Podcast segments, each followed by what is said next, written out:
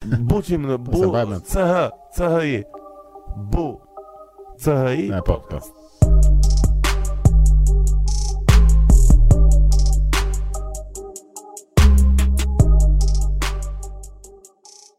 Tashmë nuk diskutohet fare ajo punë.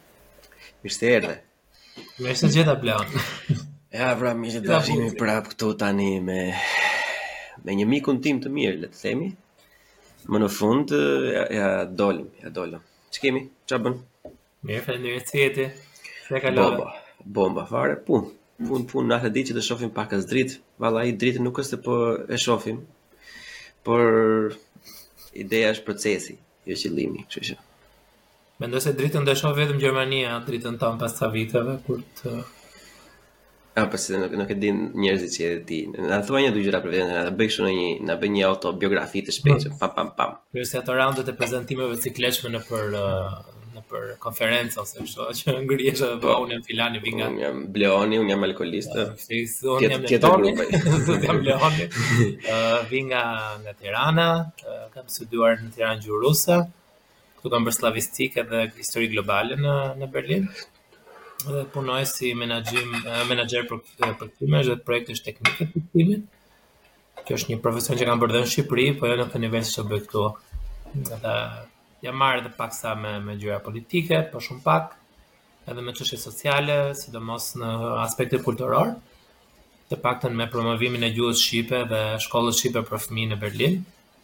që ishte goxha sukses, domethënë, dhe që po ëndërroj ta risjellim, por me, me planet e reja këtë vit. Më trego një, më trego një çik më shumë për të, se ne kemi folur bashkë herë të tjera, po thjesht e kemi cekur, domethënë, dhe unë si histori të plotë nuk e di për sa i përket kësaj nismë së bukur.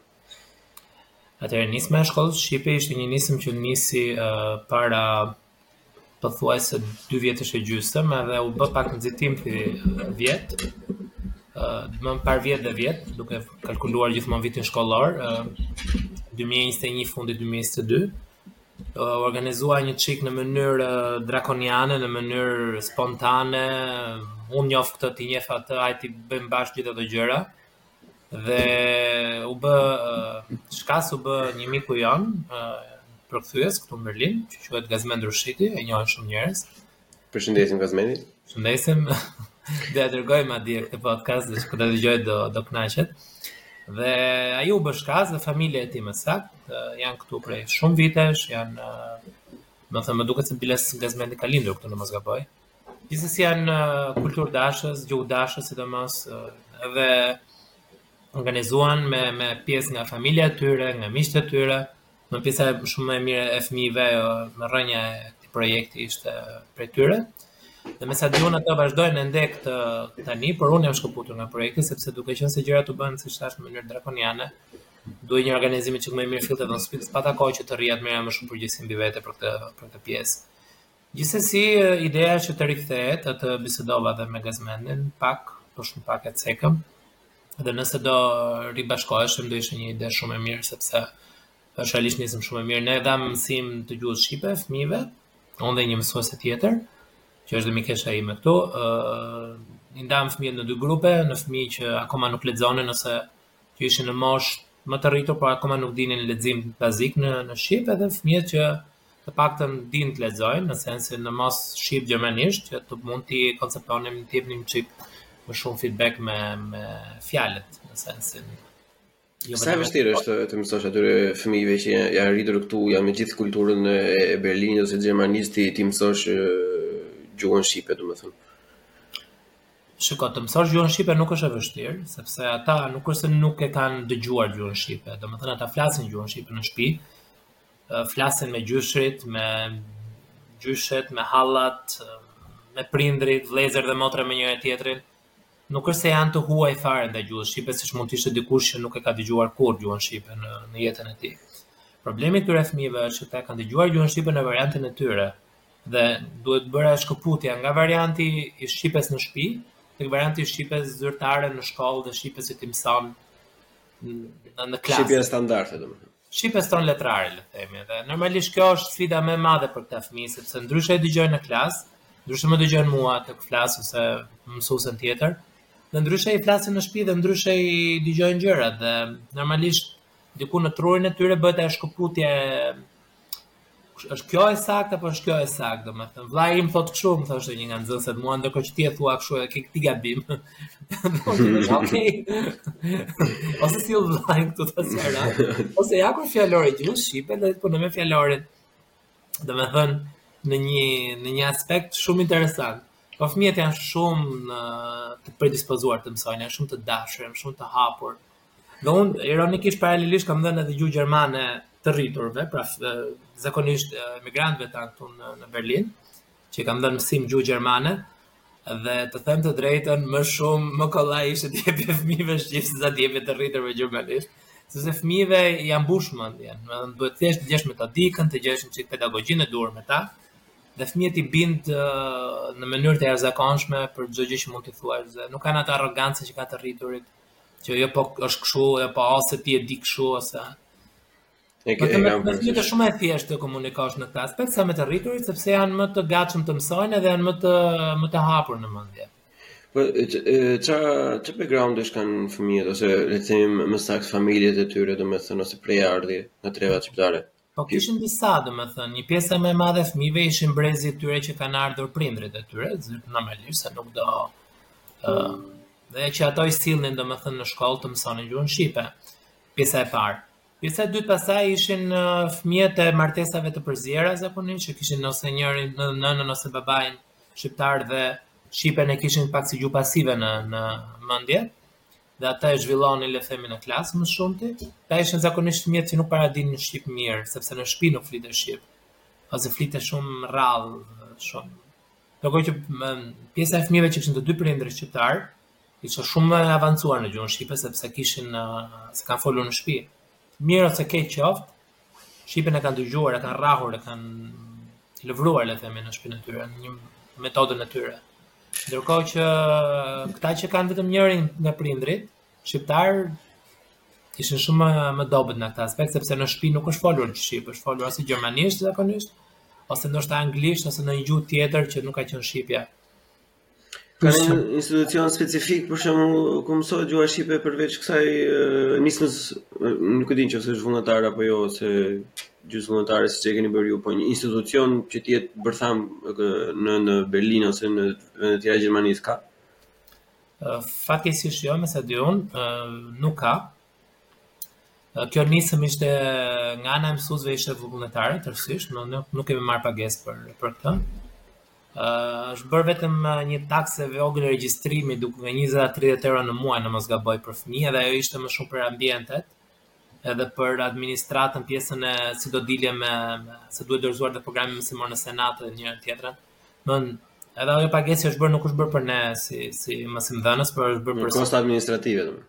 për kosto pothuajse administrative sepse me sa më kujtohet edhe vendi realisht ka qenë location-i ka qenë i dhënë edhe ai në mënyrë vullnetare nga bashkatdhetarët tanë këtu që unë i kam falenderuar shpesh dhe falenderoj gjithmonë për këtë gjë sepse është një nismë shumë shumë bujare dhe shumë Jo, jo, normalisht bravo u qoftë, nuk diskutohet. Sado mirë, sado keq, ajo është, pastaj është është një gradë tjetër le të themi gjykimi, po ideja është nëse nuk ka asnjë tjetër më të mirë, nëse është e vetmja ose e para herë ose një nga të vetmet herë që është marrë një nismë e tillë duhet përgëzuar.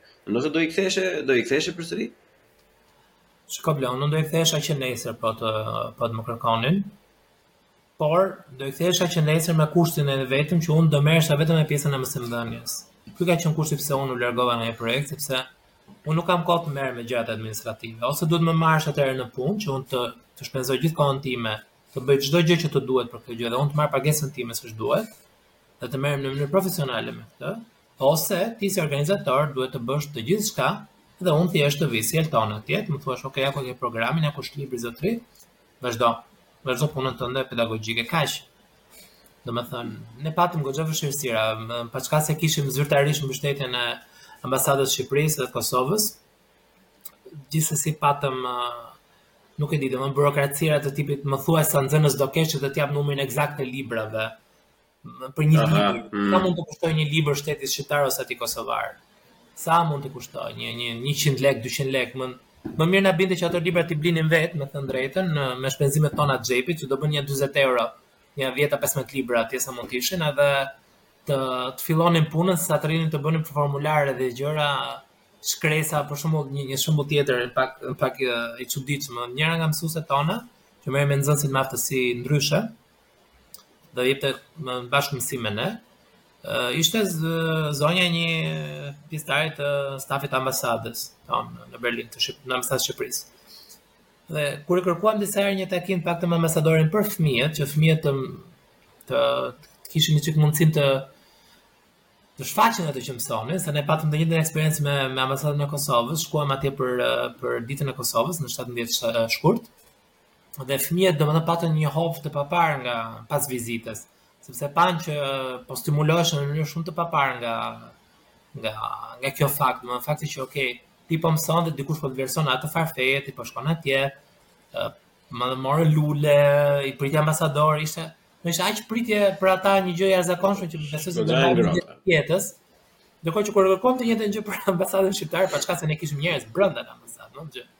Staf i brendshëm na thanë, "Ok, bëni shkresën zyrtare, kërkojeni kështu." Më kupton, burokracira të panevojshme kur ke dikë që ke staf. Aq më shumë, ok, po mos kishim dikë aty që të ishte me ne, e kuptoj më së miri sepse ok, po bën kërkesë zyrtare shtetit. Realisht domethënë është shtet gjithsesi edhe shteti shqiptar. Ndërkohë që duke pasur dikë brenda, më duket pak. Shiko edhe nga ana edhe nëse s'ke njëri brenda, unë të them të drejtën e mendoj në një mënyrë pak më pak më të thjeshtë, pak më më të copëzuar që nëse ka nisma të tilla që ty nuk të kërkojnë asnjë gjë tjetër përveç se këto materiale të që janë, domethënë peanuts, domethënë nuk mund të kërkosh asnjë jo formulare, jo bëni këtë bëni atë se libra po jep nuk po jep fonde, domethënë nuk po jep miliarda euro edhe do të bësh gjithë planin e biznesit. Është çik absurde kjo gjë. Se ka problem. Problemi është i tillë që edhe ata, domethënë unë e kuptoj nga ana burokratike, unë kam bërë një praktikë, praktikë vetë në ambasadën shqiptare para ca vitesh, tremujore, dhe normalisht edhe ata kanë burokracitë e veta të brendshme dhe këtë e kuptoj shumë mirë, sepse i kam parë vetë, i kam jetuar vetë atje atë periudhë. Por atë që nuk kuptoj unë është fakti se kur ke dikë që është realisht pjesë e stafit dhe është brenda, më duket pak e tepruar tani të kërkojmë Edhe në fund arriti që i thashë asaj zonjës, thashë ok, shkruaji atij zotërisë, atëherë shkruaj se të futem edhe jepja në darkë në shtëpi. Ke parasysh? Po. Çfarë kërkon? Po gjithsesi nuk u bë domethënë sepse ato lëvizën edhe ndryshuan shumë gjëra dhe ne lëvizëm nga projekti sepse pastaj u bënë gjëra më me radhë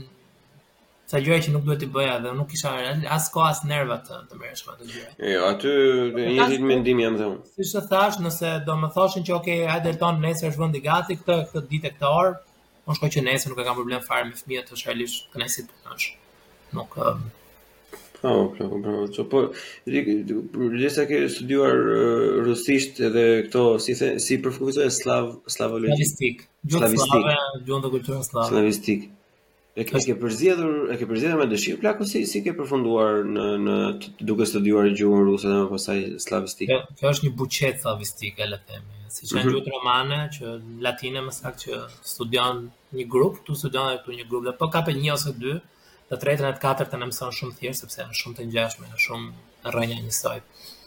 Dhe në pyetjen si kam përfunduar, uh, unë jam një çikë brez më pas se ty dhe besoj po. se Në atë periudhën kur kam qenë unë ka qenë akoma uh, konkurset, ishte viti i fundit që bëheshin konkurset dhe ë uh, unë rusishten nuk e doja si gjuhë parësore, të drejtën, por unë dija maqedonisht nga shtëpia, sepse kemi folur në shtëpi me gjyshen nga origjina. Edhe mendova, ok, diçka ta kem thjesht si rezervë, domethënë si ok, like, ta kem. Edhe mendova për bullgarishten ose për maqedonishten, nëse do ishte më thjesht sepse duke qenë se pothuajse e dija. kisha një bazë. Uh, ata kishin vetëm rusisht dhe më thanë, është vetëm kjo, thashë, ok, ta provojmë. Dhe mendova të rri këtu një vit edhe pastaj filloj diçka tjetër atë që doja unë. Duke qenë se atë vit plasi edhe skandali i tezës së juridikut u bë një, një mishmash domethënë nejse. Unë uh, rusishten e fitova, fitova dhe punë sociale që nuk e doja, unë doja ose shkenca politike ose, ose juridik nëse do bëja.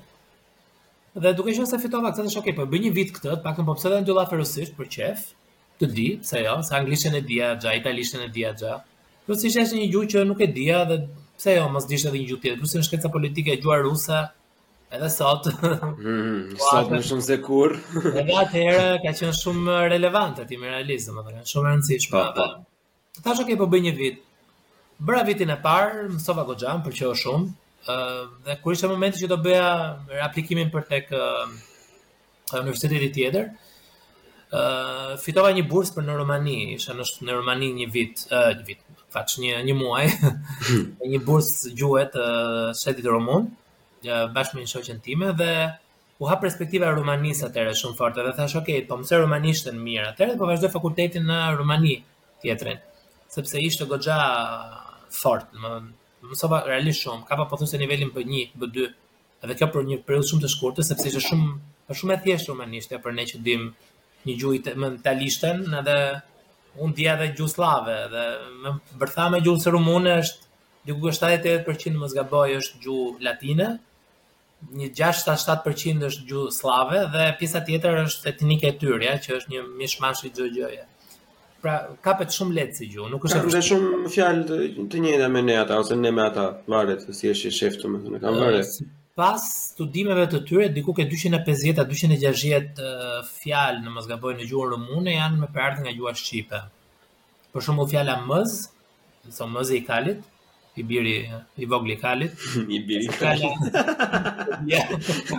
Ose fjala buz, buzët, buza është është edhe mëj, edhe ka unë kam vënë re ata thonë mëj, ç'themi ne moj, e moj kur na erdhe moj, ata i thonë një ah. një mëj, kështu një ndoshta një gjë të vogël që e përdorin e kam vënë re.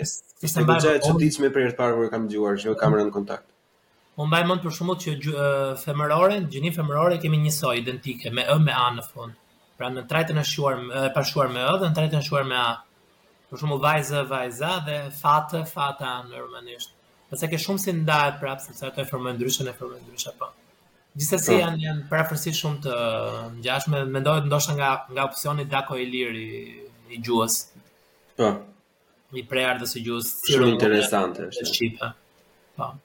Që të rikthehemi, isha atje bëre ece përparove, përparove goxha, domethënë rumanisht. Përparove pastaj... rumanishte thashë po rri këtu, sepse po bëj këtë. Pastaj rumanishten u ndërrua mësuesi, profesori dhe erdhi dikush tjetër që realisht nuk e kishte fare me pasion punën. Nuk u mor fare absolutisht me ne dhe ra fare opsioni e saj. Unë ndërkohë kisha mbaruar edhe vitin e dytë dhe pastaj thashë vetes, ok, prit një herë. Ose po mbaroj këtë një vit, edhe një vit është, do isha 20 vjeç. Kur je 20 vjeç nuk një vit më shumë, një vit më pak nuk të rëndon. Nuk është si tani. Thashë ose do mbaroj edhe këtë vitin e do marr diplomën e pastaj shoh gjej një diplomë të dytë, siç mund ta bëja. Ose do djeg 2 vjet dynja kot pa pa lidhje dhe bëra edhe vitin e tretë, mbarova mora diplomën e gjuhës ruse. Dhe pastaj gjërat morën shumë për ndryshe sepse fillova punë direkt me përkthimin në gjuhën ruse dhe pastaj ngeca aty le të themi te përkthimi. Po po në po në Rumani apo në Shqipëri? Në Shqipëri. Po. Në Shqipëri. Punova 4 vjet. 2 vjet të pastra vetëm për përkthim, pastaj edhe menaxhim të të projekteve të brendshme të të konsorciumit që kishin atëherë ruso-shqiptar. Dhe ishte shumë gjë interesante, kanë qenë vite realisht shumë interesante 2008-2012. Po, domethënë 2008-2012 ke punuar atje, po pastaj pas asaj? Pastaj erdha këtu në Berlin. Pse erdhe këtu? Meqë të pëlqeu aq shumë ajo në 2008-2012 atje, domethënë, si qysh te, nga doli? Ishin shumë gjëra, domethënë, nuk ishte shtrënguar akoma si sot Shqipëria. ishte shumë gjërat ishin shumë më ndryshe, por gjithsesi unë nuk doja të të rrija më, nuk e shifja më veten atje. Edhe pashë që, që në atë moment ose duhet të filloja punë me me politikë, me t'u merresha me politikën që të filloja diçka në nivele më të larta, sepse në anën e privatit, ku isha unë nuk kisha sa të bëhesha më shumë. Më në asistoja në mënyrë pothuajse drejtpërdrejt shefin edhe shefin edhe o do i merrja vendin atyre ose nuk do bëja dot më atje brenda, kupton. Nuk kisha ç'të jepja më atje. Po, është është boring, s'ke ç'kap më, po. Po pikërisht se nuk bëhesh sultan në vend të sultanit, si thonë. Po, po. Do bësh diçka më vete ose do do vazhdoj asistencë tjetër në atë aspekt atje në punë. Dhe Pashë disa opsione, aplikova kudo, të mos gënjej tani që vetëm doja këtë ishte ëndrra ime. Unë s'e s'kam dash fare Gjermaninë, s'kam dash fare Berlinin. Po absolutisht, domethënë ka qenë Gjermanishten nuk e doja absolutisht fare. How dare you? Isha idiote për frëngjishten, të cilën e studiova dhe atë 3 vjet në fakultet, pata dhe atë mundësinë. Falas për më shumë, ah, me tarifën e universitetit. Edhe gjithsesi përfundova këtu tek Masteri i Historisë Globale, ishte në anglisht, edhe Pastaj fillova të bëj gjermanisht dhe më hyri në qejf, është tjetër gjë. Pastaj ç'ishte, të pëlqeu, të hyri një çik krimbi pastaj. Po çati, po tani Berlini është realisht vendi ideal ku mund të jesh kur je 25 vjeç. Po. Ti më rani. Është i rrezikshëm. Është ideal, po është i rrezikshëm, se shket kollaj.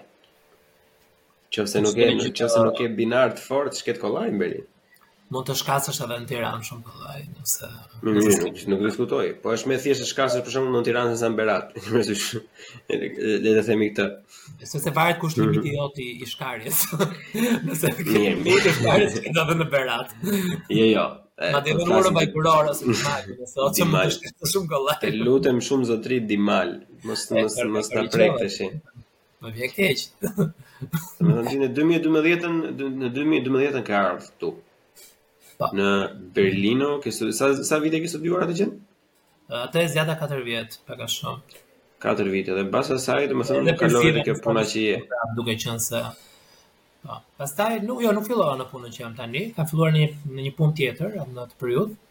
Ka qenë një periudhë tranzitore, ti e di atë Jobsuche vizumin e famshëm. Po po po. Periudha tranzitore të saj.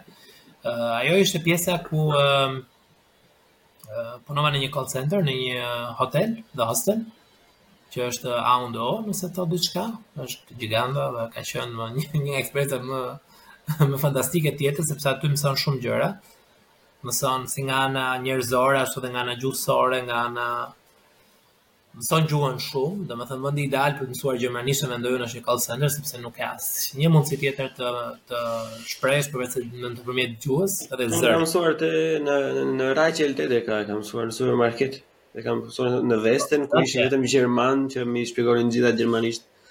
Sa të mirë kanë qenë ata, sa durim kanë pasur unë bëja tre pyetje për çdo gjë. Nuk lodheshin. Është fat se zakonisht nuk para kanë durim në në Ok, jo. Ai është një çik më e mirë si variant, po në për në një Aldi besoj nuk do kishin dhe aq shumë durim të merreshin me mësimet e tua në. Jo, unë them gjithmonë kam pasur kam pasur vërtet fat mirë. Unë kam qenë në Schlachtensee, pra ato që se është ah. diku në jugperëndim të Berlinit edhe normalisht edhe standardi i jetës, edhe standardi i njerëzve është pak më i ndryshëm. Edhe shumë njerëz janë shumë të të indinjuar për shembull nga gjermanët, edhe që thonë që janë të ftohtë, janë të këqinj, janë u gogoli, e ke parasysh ajo stereotipi i gjermanit. Unë atë të them të drejtën, për mos të gënjyer, nuk e kam ndier. Se unë jam mua kam pasur fatin e mirë çdo punë që kam qenë për shembull shumë rrallë. Thjesht me, me gishta mund të numërosh raste domethënë që kam pasur eksperienca të këqija. Unë zakonisht kam pasur eksperienca shumë të mira, më kanë trajtuar shumë mirë, më kanë ndihmuar, më kanë shpjeguar ata te te supermarketi aty domethënë vërtet më kanë ndihmuar në mënyrë shumë shumë të drejtpërdrejtë për të mësuar gjuhën se e kishin durimin apo e kishin durimin kam pasur ca eksperienca të përziera të them të drejtën në këtë aspekt se ok ti ka ardhur na thonë ai na thonë ai nga ato të taksia tani të bukur në një shisharak kështu ça të vjen në një po, mendje unë kam qenë student kam punuar një periudhë në kazino gjashtë muaj në Nollendorfplatz, po, ku bëja edhe kursin e gjermanishtes, paralelisht bëja edhe punoja. Ishe dealer. Kjo jo, nuk isha dealer, kam qenë inspektor salle, thjesht të shifja makineritë nëse punojnë, të bëja këtë, si e thonë, mirëmbajtjen. Po. bëja edhe thjesht kontrolloja ID-të e njerëzve kartën e identitetit nëse ishin 18 vjeç apo se a kishin apo jo të drejtë sipas ligjit të mbrojtjes së rinisë po.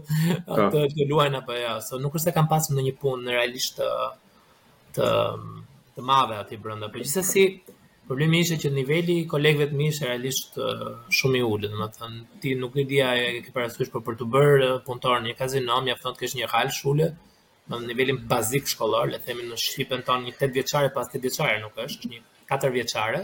Po. Një 4 klasë shkollë, siç mund të ishte shprehja në shqip.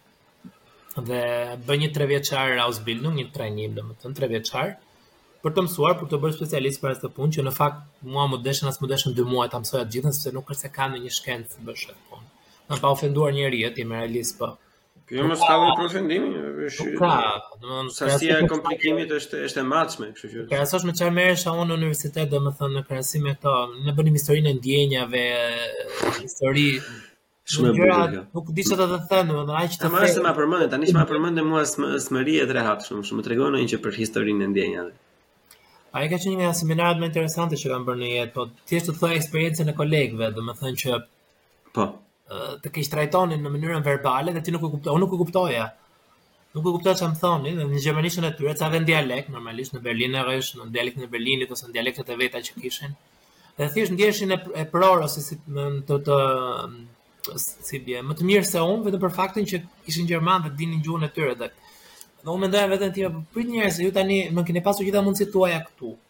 Unë kam ardhur nga ana e anës atje, nga ja, nga viun, pa ditur gjuhë, pa ditur gjë, dhe këtë punën tuaj unë e mësova për 2 javë, 3 javë.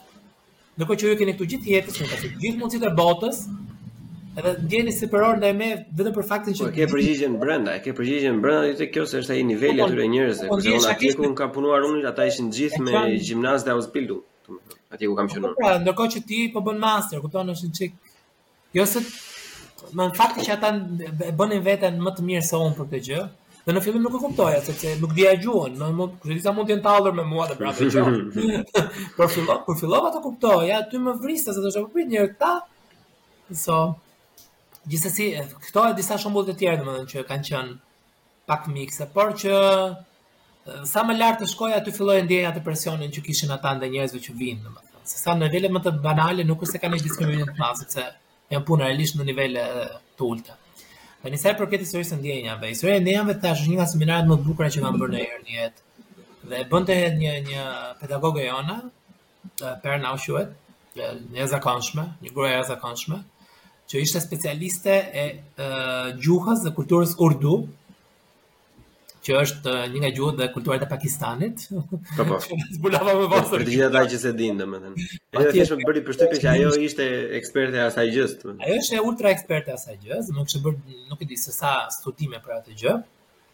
dhe fliste për historinë e ndjenjave, domethënë, si mund të kuantifikosh, si mund të fusësh në një aspekt shkencor ndjenjat. Dhe që gabimi më i madh teknikisht i një historiani është ta bëjë këtë gjë, sepse nuk mund të përfshish ndjenjat ti në, në histori si, si fakt, sepse nuk është fakt, ndjenjat nuk janë fakt. Ndjenjat janë percep, perceptime të njerëzve, ashtu siç ata i përthithin ose siç i ndjejnë, dhe siç, siç i kanë transmetuar, siç i kanë ruajtur në në në historinë e tyre, në historiografinë e tyre. Dhe kjo ishte domethënë gjithë ajo që që ishte komplikimi i kësaj. Dhe aty për shembull kishte edhe historinë e, e principeve, parimeve, fjalëve bazë për shembull ku e di unë. Turpi, çfarë është turpi? Historia e turpit në vetvete si fjalë, si, si koncept, si si strukturë dhe turpi është sa ndjenjë po aq edhe në aspektin gjuhësor i rëndësishëm për shembull ose lumturia ose domethënë liria, pavarësia, në çfarë janë çdo koncept bazë i njeriut që ne kemi krijuar me anë të gjuhës normalisht. Çdonjëri nga këto principe, çdonjëri nga këto parime, çdonjëri nga këto fjalë ka një një një prapavi të rëndësishme, të cilën e shpjegojnë ndjenjat e një populli për shembull, ishte sipas teorisë së kësaj, me sa e mbaj mend unë atëherë. Dhe gjithë sekreti mendoj atëherë, mbaj me sa mbaj mend ishte që ti si person duhet të rrije të arrije të shkëpustje se ku mbaronte ndjenja dhe ku fillonte fakti, të cilin ti mund ta përdorje si fakti historik për këtë parim. Për shembull, sa veta e kanë aftësinë ta bëjnë atë? Shumë pak besoj vlla, përderisa ka shumë pak historianë ndjenjash të mirë, domethënë unë kisha vetëm një profesor Beno Gamal, që kishte shkruar një histori shumë interesante ndaj pikërisht turpit, sepse përmenda më, më turpin për ty dhe kishte marrë në fokus një një fshat të thellë të humbur të Francës dhe aty kishte ndërtuar gjithë tezën e tij mbi turpin. dhe e kishte studiuar në një periudhë të caktuar nuk di sa kohore dhe mbi pasojat që sillte mbi njerëzit një fenomen i caktuar e zë. Domethënë ishte kapur te fenomeni, no? Po, po, po. Nuk duhet të jetë kaq ultra specifik tani që ta kapin për çfarë po bisedojmë. Dhe, në? Dhe ishte realisht e jashtëzakonshme kur e lexoja. Për shembull, një nga një nga historitë më interesante është fakti se Ballkani, për shembull, ose Europa Juglindore, ose Europa Lindore, ose çdo gjë nga këto, janë pari, parime të stisura, janë parime të shpikura nga njerëzit, zakonisht nga perëndimorët.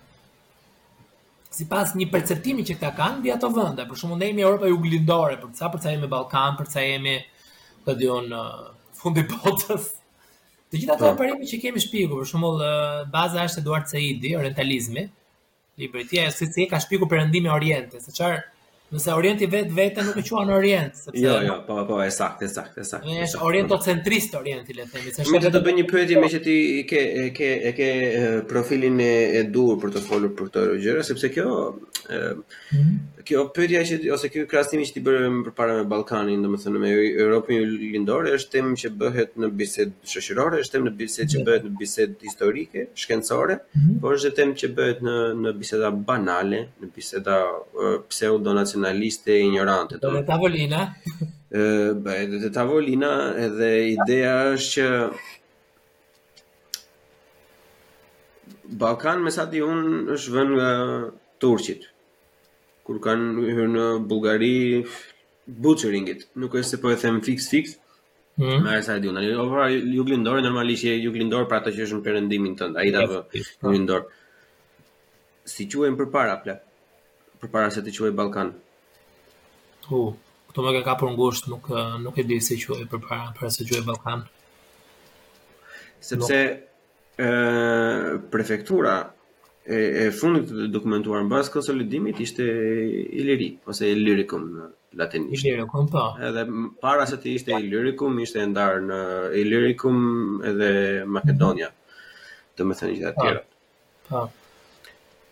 Hajde, hajde të lozim, të lozim çikë te gjërat tani se kam kam qejf kështu. Ëm. Ja. Shqiptarizmi plako. Të mhm. gjitha këto uh, popuj të lashtë, pellazgë, fillimi, fara e botës uh, e tjerë e tjerë. Sa sa reale të duken ty, domethënë me me atë formim që ke ti, unë s'po them që ti ke për të gjithë botës, po që ashtu si, si e ke, kupton ti si si Elton vetë domethënë ku cilat janë të sakta, cilat mund të jenë dhe cilat janë gjëra idiote fare. O pyetje interesante, çfarë është shqiptarizmi? Çfarë është shqiptarizmi? Ashtu siç e mendoj se çfarë është shqiptarizmi, të paktën e shoh në ndjenjën tonë, ajo në të prapë vijmë ke historia e ndjenjave, se çfarë na thotë ne si shqiptarë, pra jo mua ty, gjithë shqiptarëve kudo që mund të jenë nëpër botë, do të çfarë çfarë konceptojnë ata me faktin që ata janë shqiptarë në sens se nëse për dikën në Amerikë që është brezi i tretë i shqiptarëve, të qenurit shqiptar është ku ta di unë gjuha që fliste nona në shtëpi se kështu ishte nona le të themi. Dhe kjo është ajo shqiptarizma e tyre. Për mua që kam lindur në Shqipëri, asociohet edhe me shumë gjëra të tjera, sepse një shtetësi, një një një identitet i brumosur, i formësuar atje sipas kulturës dhe standardeve në në Shqipëri. Gjithsesi, pyetja jote nuk është për këtë, por pyetja jote është më shumë për faktin e teorisë së shqiptarizmës. që ka të bëjë me nga vijmë ose çfarë jemi ose nga vijmë, çfarë jemi, çfarë të bën shqiptar, e gjithë kjo gjë, kjo beteja e ideve. Bën fakti që ti ndjehesh shqiptar. Kjo është, kjo duhet të jetë bazike fare. Po Sepse çfarë të bën të ndjehesh shqiptar? Pak më thjesht do të janë akoma. Nuk jemi shumë i qartë. Më bën fakti që kam gjuha ime amtare, gjuha shqipe. Prindërit e mi janë shqiptarë të dy. Kulturën që më kanë dhënë është ajo shqiptare. Për shembull pse nuk ndjehem unë sot ku ta di unë maqedonas ose jugosllav ose ku ta di unë se çfarë, çfarë mund të ketë qenë gjyshi ose gjyshja, se nuk është kultivuar ajo në atë masë, domethënë ka ngelur si reminishencë vetëm ca gjëra në shtëpi, gjuha, gjërat. Apo që kultura dhe pjesa e zakoneve, doket, Çfarëdo gjë që kemi pasur ka qenë tiranase, dhe domethënë s'është marrë nga, nga vëndi ku kanë ardhur, më të Për shkak se dhe ata vetë ndoshta nuk e kanë pasur aq të formësuar, se kanë qenë dhe ata një mishmash më vete. Prandaj që nuk mund të kesh një identitet tjetër veçse këtë që ke që ndjen. Ose ato që po formëson. Shumë pjesë të identitetit, identitetit tim të tanishëm mund të jetë identiteti gjerman. Por unë akoma nuk është se ndihem gjerman. Në sensin. Paçka se zyrtarisht në fakt jam gjerman vetëm, nuk jam shqiptar zyrtarisht, po kjo do të thotë që nuk jam shqiptar vet, nuk ndihem shqiptar, është është absurde. Shqiptarizma për mua është kjo, tani nga vim është tjetër pyetje, ajo është ai nuk ka të bëjë me faktin se si është formuar shqiptarizma besoj unë. Si jo. shqiptarizmin e kemi formuar nga identiteti jonë kombëtar dhe nga ajo që ne i kemi thënë vetes dhe nga që kemi ndërtuar ne kulturën tonë. Të paktën nga Rilindja Kombëtare e tutje, të paktën. Po. të paktën nga këtu që është me formësimi më më i mirë dokumentuar. Formues, edhe shtetformues. Po. Përpara nuk ka pasur identitetin e aq të fortë identitetin e kombit shtet që kemi marrë mbas shekullit të 17-18, domethënë me revolucionin francez e tutje. Po. Ose nuk e bëjmë me shekuj tani se jam ndryshkur pak. Prandaj që për mua domethënë identiteti i mirëfilltë joni është në këtë periudhë, por jo vetëm joni. Po ta shohësh edhe grekët dhe identitetin e vet në atë periudhë e kanë formuar si grekër modern, flasim, jo, jo atë helenik të, të lashtë. Edhe bullgarët, tani vonë, dhe serbët, vonë, pra të gjitha popujt e Ballkanit që kanë identitetet nacionale, kombëtare, e kanë formuar më vonë. Nuk e kanë formuar para shekullit të Tetëmbëdhjetë në mos gaboj revolucioni francez atë nëntëmbëdhjetë tetëmbëdhjetë po një mijë e shtatëqind e diçka prandaj ky identitet i jonë i formësuar si i joni si atyre nuk është i përparshëm domethënë ok bazohet në fytyra të përparshme ato të përparshme nuk kanë qenë identitet shtetëror pra i kombit shtet dhe shqiptarët gjithë shqiptarët në një shtet ose gjithë serbët në një shtet gjithë bullgarët në një shtet ato kanë qenë pra më shumë të bazuara në historinë e tyre si si fisa Po. Edhe si principata më vonë, si, si shtete feudale për më shumti, por jo moderne të sotshme. Dhe fati jonë i keq është që të paktën ne realizuam identitetin tonë kombëtar, pothuajse 100 vjet mas grekëve. Domethënë e realizuam ëndrrën tonë që bëmë shtetin tonë të njohur. Grekët e kanë bërë 1831, në mos gaboj. Po. Serbët diku 1827. 27, jo, më vonë, më vonë se grekët. Ai Slavkoviç e ka shkruar tezën e parë në 27 në bazë të asaj më të vjetrës të Orbinit, ai që ka bërë Orbini. Dje e kam të freskët se e dëgjova dje. Sa më vonë, Bullgaria gjithashtu. Po, po pavarësisht më vonë, po them doktrina e parë e shkruar serbomadhe, domethënë është bërë shumë më përpara se sa mund të jetë bërë e Shqipërisë. Doktrina nuk po flasim sepse edhe ne mund të marrim se doktrina shtetformuese shqiptare Besëlidhjen e Lezhës, që është goxha doktrinë e fortë domethënë. Shtetë kemi në do marrim ato, kemi atëherë atëherë i dalim të parët në rajon, po ajo është e diskutueshme. Mirë, është edhe histori, po gjithsesi edhe Lidhja e Prizrenit, për shembull 1878, është edhe ajo shtetformuese është në atë pikë. Edhe është një me ashtu, po ne nuk e realizuam dot në atë në atë moment, edhe pse kjo edhe kjo është normale. Gjithsesi domethënë, këto për mendimin tim nuk e formojnë shqiptarizmin tek individi, sa ç'e formon ndjenja e tij e brendshme që që e bën atë të ndjehet shqiptar. Sepse po të ishte për ashtu të paktën shqiptarë që nuk jetojnë brenda kufijve të të Republikës për mendimin tim, nuk do ndjeheshin aq shumë shqiptarë sa ndihemi ne. dhe në fakt është e kundërta. Domethënë ata kanë ndjenjën e shqiptarizmit edhe më të fortë se sa shqiptarët e Republikës së Shqipërisë, që edhe si do nuk bëhet. E ke përjetuar ndonjëherë, e ke përjetuar ti kur ke ardhur këtu atë ndjenjën e të qenit shqiptar pak më shumë se sa kur e kishe në Shqipëri? E kam përjetuar. E kam përjetuar sepse më kanë munguar gjërat që përpara i merrja për të garantuara, domethënë muzika popullore. Nuk është se po. kam dashur aq shumë muzikën popullore përpara. E doja, po ndonjë sebep, në ndonjë dasëm, në ndonjë radio. Domethënë, nuk është se e dëgjoj, tani e dëgjoj për qejf. Domethënë Po, kam, tani e dëgjoj në mënyrë konstante për ditë. Kam kënaqësi të dëgjoj muzikën popullore, domethënë. Që përpara nuk e kisha. Në të drejtën, domethënë, nuk më jepte atë kënaqësinë, ose uh, që kur kam ardhur në Gjermani flas më shumë me dialekt, se sa flisja përpara, se duke qenë në Shqipëri, takoja njerëz nga gjithë pjesët e Shqipërisë, Shqipërisë dhe Shqiptarisë, domethënë që kisha kontakte përditë në punë, në, në jetë. Dhe normalisht nuk mund t'i lejoja luksin vetes të flisja dialektin tim që që si kena fol në shtëpi, domethënë. Po. Dhe po që duke qenë se isha këtu, pastaj kontaktet e mia në shqip ishin me shumë pak njerëz, me familje normalisht. me miq e shok ose shoqe që janë pothuajse gjithë nga Tirana. Nga janë nga ato, nga Tirana moderne, domethënë flasim atë zhargonin e Tiranës moderne. Po. Kështu që me ca mix këtu e mix atje, pa pa ndonjë rëndesë në dialekt, por prapë është një çik dialekt, domethënë. Është një çik dialekt. Po Tirana, Tirana, shikoj, unë kam kam një si tip ndjenje kështu ose si si tip vështrimi që Uh, ai dialekti i Tiranës është uh, le të themi pak pak më i ri si, si duket se është shumë i ndikuar, më i formuar, më më më më, më shumë dyndje domethënë nga dialektet e tjera. Po unë besoj se ka dy dialekte të Tiranës, në fakt. Tiranë, dialekti urban i Tiranës dhe dialekti i rrethinave, i fshatrave të Tiranës. Dialekti i fshatrave të Tiranës është shumë i fortë, është realisht u dialekt le të themi ajo. Po. plat albanisht nëse do kështu, plat po. tirançe. Pra Tiranës, Tiranës e fort, ndërkohë që dialekti modern ai urban i Tiranës, pra i qyteti, qytetari i Tiranës është më më i butë sepse normalisht ka pasur shumë shumë ardhje në, në Tiranë dhe normalisht ku ka shumë ardhje nuk mund të ruhet në atë farë feje aq aq i pastër sepse është është e pa konceptueshme, kupton, është Për çdo vend, besoj edhe në Berlin, për shembull, po ta vësh re dialekti berlinez i veti, i tyri, është shumë i fortë atyre që flasin për shembull në lindje në ca zona të Brandenburgut, të të po. thella, të fshatrave po, po, rreth rreth Berlinit.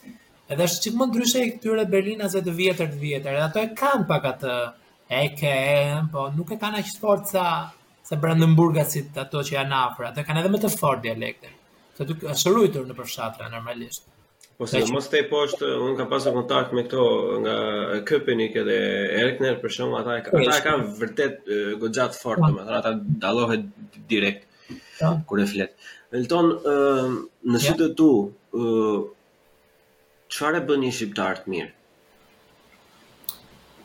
Puu, ça e bën një shqiptar të mirë? E para një herë zemra e mirë, domethënë nëse dikush ka një zemër të mirë ndaj të tjerëve, aq më shumë ndaj shqiptarëve të tjerë, nëse po flasim për shqiptarin e mirë, atëherë për mua ai është një shqiptar i mirë. Pra nëse është me zemërmirësi për tjetrin, aq më shumë për si vëllaun e tij shqiptar ose si motrën e tij shqiptare, që e ndihmon, që nuk i bë, të paktën nuk i prish punë.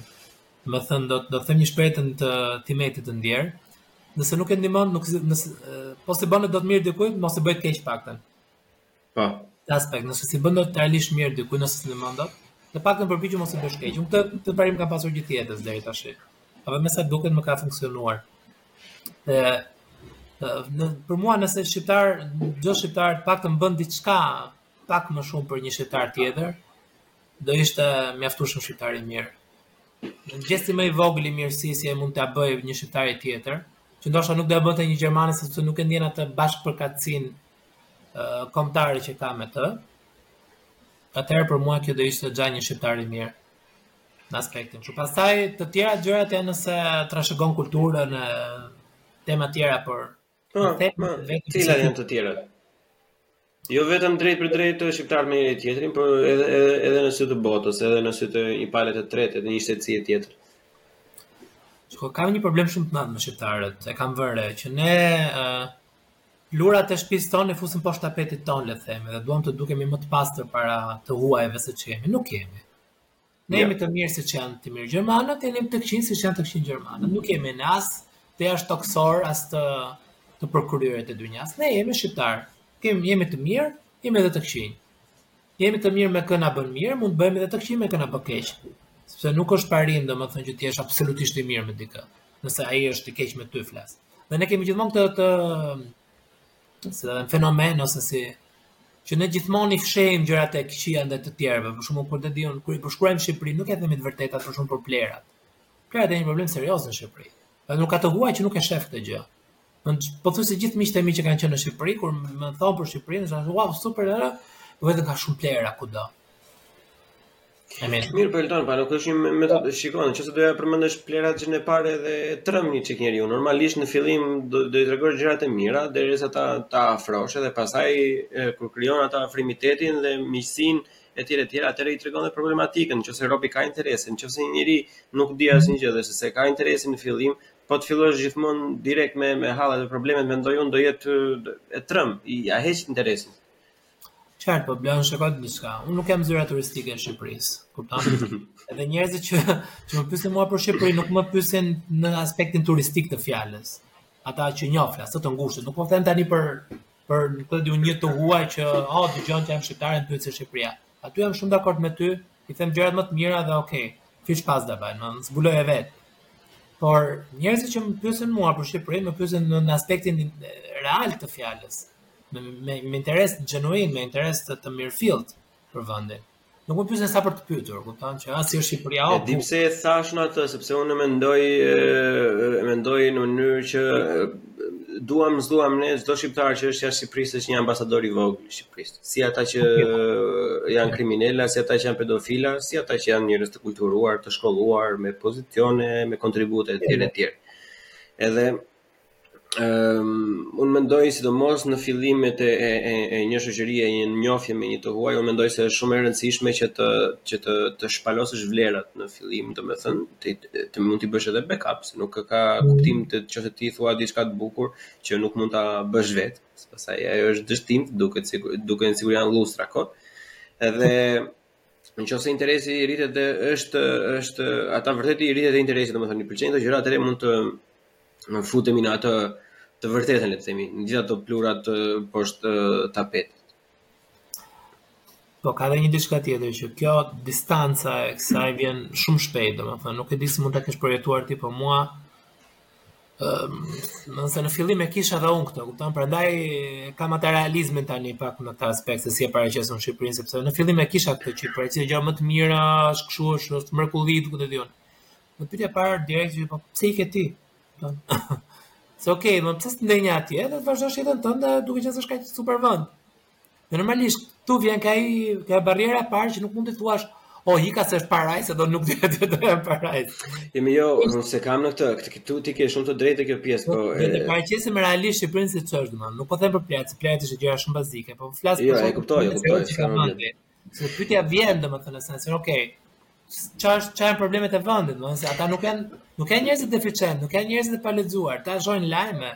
Po këtu po këtu duhet të dalim, e kupton që lëre të vijë pyetja. Ja Albanian dhe ti të merr një raport të plotë të lajmeve që kanë ndodhur sot në Shqipëri. Po vetëm të zeza pra, kështu që ai merr nga lajmet ato të zeza. Po unë këtu pika kyçe që ajo ishte domethënë lëre të vijë pyetja sepse unë kam hasur edhe në parti studentësh Erasmus etj etj. Kam hasur dy tre shqiptarë, domethënë që i kam halë në sy, që në momentin e parë që që i jepej mundësia për të folur me një të panjohur fare fare fare për Shqipërinë. Mm -hmm. Vetëm vrer, që në fjalën e parë. Që në fjalën e parë. Sa është frustrimi i tyre që nuk e kanë uh, unë nuk jam ashtu, domethënë të thash, nuk nuk është se kam të parë. Jo, e di që si është ashtu domethënë. Nuk thjesht... nuk më pëlqen që t'i bëj një fushë me lule që nuk ekziston njerëzve që realisht kanë interes të mirëfilltë, flas për Shqipërinë. Sepse për shembull pyetja e parë që kam pasur atëherë, përpara se ka ndryshuar, ok, kjo është gjë e mirë që duhet të thënë. Siç duhet të thënë gjërat e këqija, duhet të thënë edhe gjërat e mira. Imazhi i Shqipërisë ka ndryshuar në mënyrë të jashtëzakonshme. Kur kam ardhur në fillim këtu dhe ishin vetëm 2-3 kokrra, më aventurierët që mund të kishin dëshirë të shkonin në Shqipëri, pyetja e parë është is it safe? A është e sigurt? Po. Pra, është, a, a jam unë i sigurt po të shkoj atje, apo nuk jam unë i sigurt po të shkoj atje, a do vritem, a do më rëmbejnë, a do më vrasin, a do më vjedhin, nuk e di se çfarë. Kjo është pyetja e parë direkte që merrja atëherë. Ndërsa tani pyetja e parë është, oh, wow, është fantastike, mezi po pres të shkoj. Po. Saqë një shoqe ime, po bëri dalje, kishim bërë planin me vite që të shkonim bashkë në Shqipëri, dhe më bëri dalje sepse ishte, kështu, like, destinacioni in i momentit dhe vendosi të shkojë vetë. me me të dashurin e saj. Mendo pak aq aq ashtu të mirë ka marrë Shqipëria në në atë aspekt. Jo, ka plasur, ka plasur, edhe aq shumë ka plasur Shqipëria, sa edhe në industrinë time që ti e di se çfarë profili kanë ata që punojnë në industrinë time sa konservativë janë.